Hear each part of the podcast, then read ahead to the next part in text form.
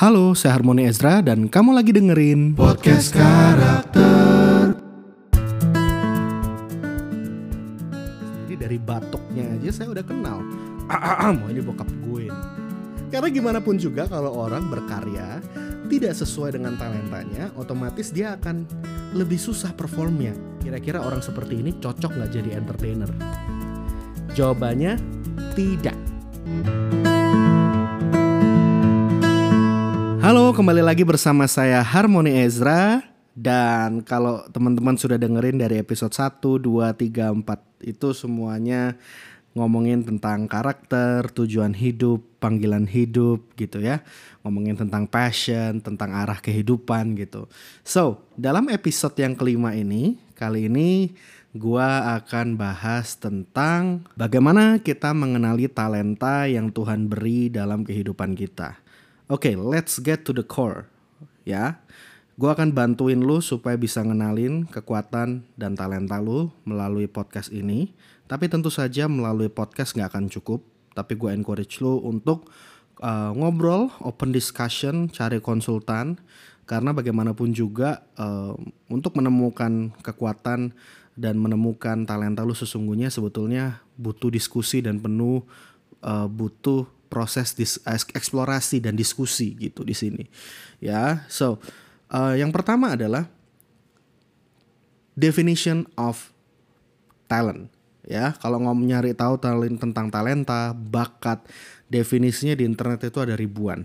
Tapi kalau misalnya di karakter di kami di power character di foto karakter definisi talenta dibangun dari empat hal. Ya saya ulangi talenta itu apa sih talenta itu dibangun dari empat hal yaitu pola pikir pola rasa pola tindak, pola bicara. Saya ulangi, talenta dan bakat kita itu dibangun dari keempat hal. Yang pertama, cara kita berbicara, cara kita bertindak, cara kita merasa, dan cara kita berpikir. Kalau misalkan diakronimkan, itu bahasa Inggrisnya adalah CALM, C A L M. Kognitif, afektif, linguistik, psikomotorik. Ya, kognitif itu pola pikir, afektif pola perasaan, linguistik pola bicara, dan psikomotorik adalah pola tindak. Nah, ini yang menjadikan setiap orang itu unik. Ya. Karena keempat hal ini itu berbeda-beda dari tiap orang. Kalau ngomongin tentang pola pikir ya, pola pikir orang itu ada jenisnya, ya. Ada yang suka berpikir dalam ya jadi vertical thinker dia orangnya itu suka bertanya why kenapa tahun baru harus dirayakan bukan kayak itu seperti layaknya hari-hari biasa gitu ya dia mempertanyakan banyak hal why why why gitu kenapa asal usul kata dari anjay itu apa gitu itu tuh uh, orang yang vertical thinker dia suka mem bertanya dalam dan berpikir dalam. Dia biasanya filosofis gitu. Nah, sedangkan ada orang-orang yang vertical thinker. Nah, orang yang vertical thinker ini dia berpikir A to Z. Dia berpikir gambaran besar, gambaran umum tentang apa yang ada di depan mata dia. Dia ngerti biasanya secara general tapi nggak pernah memahami secara keseluruhan. Nah, orang-orang tipe horizontal itu biasanya suka baca buku, tapi beli bukunya cuman baca daftar isinya ngerti konsepnya udah nggak dibaca sampai tuntas sedangkan kalau orang vertical thinker dia seseorang yang betul-betul kalau baca buku pengen mengupas tuntas sampai dalam-dalamnya gitu. Makanya kalau baca buku kadang-kadang kalau misalnya satu satu halaman dia belum belum belum betul-betul paham dia ulangin lagi. Dia stabiloin, dia coret-coret gitu ya. Itu orang-orang yang pola pikirnya vertikal. Dia seseorang yang pola pikirnya uh, memang berta uh, ini ya chain reaction gitu. Sebab akibat kalau aku melakukan ini ini yang terjadi. Kalau aku melakukan ini yang terjadi. Nah jadi kekuatan orang horizontal thinker dia adalah seseorang yang pengetahuannya luas punya kemampuan melihat masa depan juga visioner orangnya gitu ya dan di orangnya biasanya um, um, konseptual gitu sedangkan kalau orang yang vertikal dia orangnya betul-betul masuknya ke teknis gitu. Dia orangnya ngerti biasanya uh, suka ngoprek, dia suka mendalami, dia suka nulis biasanya. Nah, itu orang-orang yang vertikal. Nah, cuman titik kritisnya orang vertikal cenderung bisa overthinking. Kalau orang horizontal dia bisa cenderung sok tahu. Ya. Dan selanjutnya kita masuk kepada uh, perasa uh, pola yang kedua. Kenapa sih? Oh ya, sebelumnya saya masuk. Kenapa kok kita menggunakan kata pola? Nah, ya pola ini adalah sesuatu yang kita lakukan berulang-ulang ya pola itu sesuatu yang terprediksi habis satu ya dua habis dua tiga habis tiga empat habis empat lima. Itu sesuatu yang nggak um, bisa berubah. Tapi kalau misalnya ada patternnya berubah satu satu dua dua tiga tiga empat empat sesudah lima oh berarti ini lima nih gitu. Karena dua kali dua kali. Nah hal hal-hal seperti itu adalah pola gitu. Dan begitu juga dengan pola-pola seseorang gitu ya. Setiap orang itu punya pola yang berbeda-beda. Semakin kita kenal dengan seseorang pola-pola tersebut itu yang mm, menjadikan mereka unik. Dan semakin kita kenal orangnya pola bicara mereka gitu ya. Kita jadi kenal gitu. Kalau teman-teman uh, telepon gitu ya Wih pacar teman-teman yang ngangkat. Dari suaranya aja teman-teman udah tahu oh ini suara pacar gua nih gitu nah begitu telepon oh ini suara mak gua nih langsung tahu. Kalau misalnya begitu pulang cara klakson mobil aja mungkin oh lu udah tahu oh, ini bokap gua nih. Kalau kalau klakson ten ten ten ten. Nah ada ada polanya gitu. Bahkan semakin deket kamu dengan seseorang, kamu kenal kentutnya, kamu kenal uh, sendawanya seperti apa, karena mereka semua punya pola, betul nggak? Ya, saya sendiri pun uh, karena kenal dengan orang tua saya sendiri dari batuknya aja saya udah kenal. Mau ini bokap gue nih. Kalau kalau mm, mm, nah itu nyokap gue biasanya. Nah hal-hal itu perlu waktu untuk mengenali pola-pola hal itu. Sama dengan kehidupan kita, pola-pola itu biasanya ada dalam diri kita dan itu terprediksi. Nah, pola itu biasanya sudah menjadi habit dan terbenam dari bawah sejak kita lahir biasanya. Um, dan um, itulah kenapa saya sebut pola pikir, pola perasaan, pola tindak, dan pola bicara. Karena keempat pola ini yang membedakan dan menjadikan setiap kita unik sebetulnya. Respon dan perilaku karakternya. Nah, um, selanjutnya adalah pola perasaan. Tadi kan pola pikir sudah nih ya. Sekarang kita masuk ke pola perasaan. Pola perasaan ini adalah um, tipenya kayak gini. Biasanya ada yang hangat banget dia orangnya tuh empatinya tinggi. Dia orangnya gampang belas kasihan. Dia orangnya uh, gampang uh, ngerti gitu hati orang lain gitu. Sedangkan ada orang-orang yang memang hatinya dingin. Dia tuh kayak nggak eh, nggak uh, punya perasaan gitu. Dia tipe orang yang sulit berempati kepada orang lain. Nah, perasaan yang seperti ini biasanya orangnya memang cenderung tenang. Justru uh, orang-orang yang uh, perasaannya misterius, dingin ini, dia tipe yang dingin gitu ya, tapi hatinya keras dan dia lebih banyak pakai logikanya dibandingin pakai perasaannya. Itulah kenapa orang yang perasaan kayak gini dia hatinya lebih dingin, lebih kaku gitu ya. Sedangkan sebaliknya kalau orang yang pola perasaannya lebih kuat, dia empatinya lebih hangat gitu ya. Dia lebih ekspresif, dia lebih gampang connect dengan orang lain, dia lebih uh, mudah untuk uh, mengerti up posisi empathize sama orang lain gitu ya. Uh, dan dia juga komunikasinya juga lebih bagus biasanya. Karena orang-orang yang perasaannya high gitu ya perasaannya tinggi gitu biasanya titik kritisnya uh, gampang emosional gampang baper gitu ya. Nah itu uh, kelebihan tadi kan saya sudah bilang ada berempati, ngerti posisi orang lain, komunikasinya bagus, terus mampu mampu memposisikan diri dengan orang lain gitu. Orang bisa merasa hang, merasa nyaman ketika ngobrol dengan kita, dengan orang-orang yang uh, empa, uh, pola perasaannya empatinya tinggi gitu ya. Tapi ada orang-orang yang memang perasaannya dingin, dia itu lebih rasional aja. Dia tipe cenderung orang yang uh, cool judgment gitu ya, uh, cold judgment. Sedangkan orang-orang yang um, um, titik kritisnya cool, uh, perasaan yang dingin itu ya gitu. Kadang-kadang temennya nggak terlalu banyak gitu. Dia kadang-kadang suka um, kalau ngomong tuh tajem dia orangnya nggak nggak bagus dalam komunikasi itu biasanya orang-orang yang perasaannya dingin.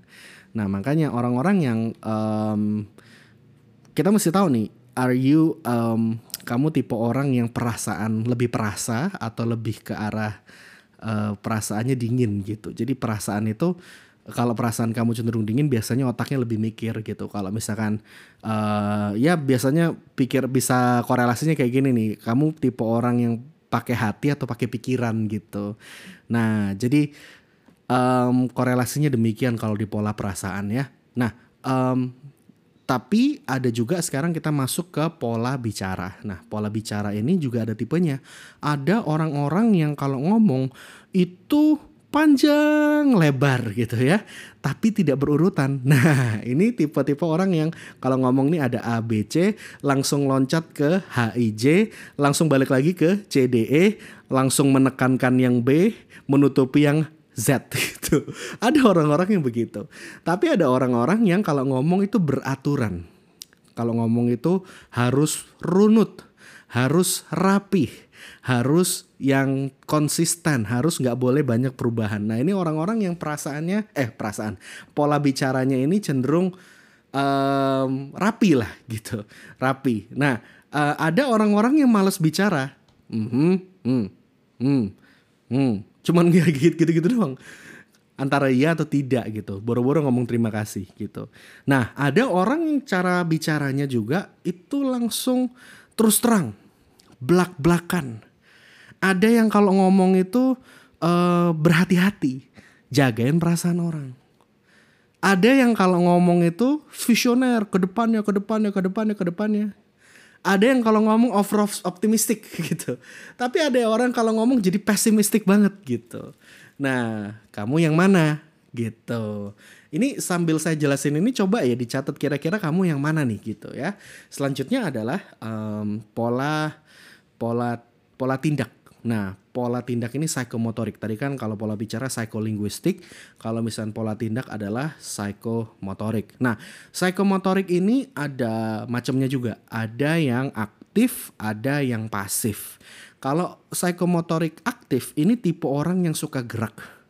Dia orangnya cepet bosen begitu PSBB, lockdown. Aduh, gerah resah. Udahlah pokoknya gue jalan-jalan yang penting naik mobil deh, nggak apa-apa gitu. Itu orang-orang yang uh, apa namanya uh, psikomotoriknya aktif. Sedangkan ada orang yang psiko, uh, psikomotoriknya pasif. Dia justru malah enjoy. Kerja di rumah WFH gitu ya. Duduk depan komputer terus rebahan gitu ya. Dia orang-orang yang memang psikomotorik secara motorik itu uh, dia nggak ter dia memang enjoy nggak terlalu banyak gerak. Tapi biasanya orang nggak terlalu banyak gerak otaknya lebih banyak mikir gitu. Nah jadi um, ketika kita mengetahui hal ini, kamu coba eh, kira-kira menentukan nih, kamu coba cari tahu. Oh, kayaknya kayaknya pikiran gua ini lebih kritis ya. Pikiran gua ini lebih uh, lebih ke sini ya gitu. Kamu coba deh, kamu coba catat terus perasaan kamu. Oh, aku ini empatinya tinggi. Enggak sih, aku kurang berempati sih. Nah, terus kamu coba cara ngomong kamu. Oh, cara ngomong gua sih gue kalau ngomong hati-hati ya. Kalau gue ngomong sih oh terus terang sih gue gitu. Nah itu proses pengenalan diri proses pengenalan bakat. Nah sampai ke pola tindak seperti apa? Oke okay, so what next kalau misalkan gue tahu tentang bakat gue dari mana keempat hal ini bisa jadi bakat? Kita uh, konsepnya kayak gini caranya. Misalkan ada satu profil yang profilnya kayak gini. Pola pikirnya kritis.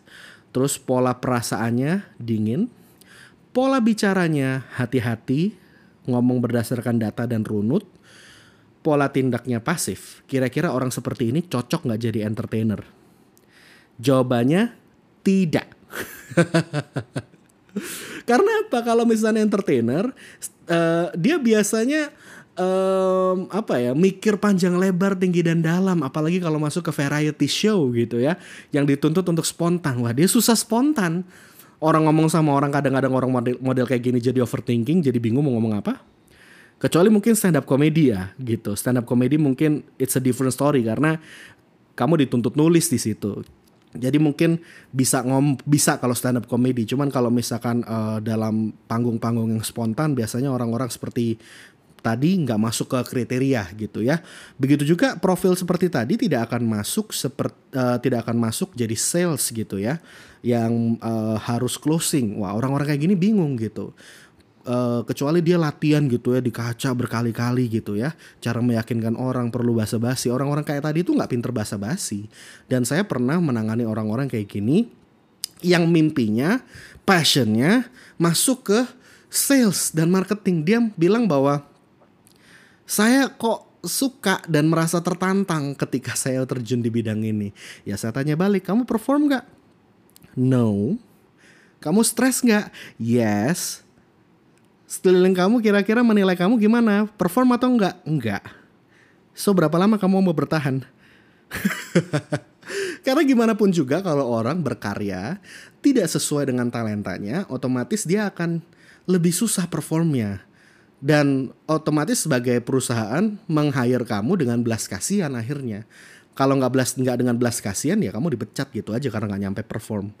Gitu. Nah sebaliknya kalau misalnya ini profil sebaliknya ya, kalau misalnya profilnya adalah pola pikirnya kamu vertical thinker ya, lalu um, pola perasaannya menggebu-gebu, dinamis, semangat, optimis, pola perasaan, pola bicaranya dia spontan, uh, terus terang, belak-belakan gitu ya, dan pola pola tindak dia aktif, pola psikomotoriknya aktif. Kalau misalkan kerja di dunia accounting, waduh ini kalau misalkan ngitung gitu ya, ini balance-nya nggak balance, dibalancein sama dia gitu.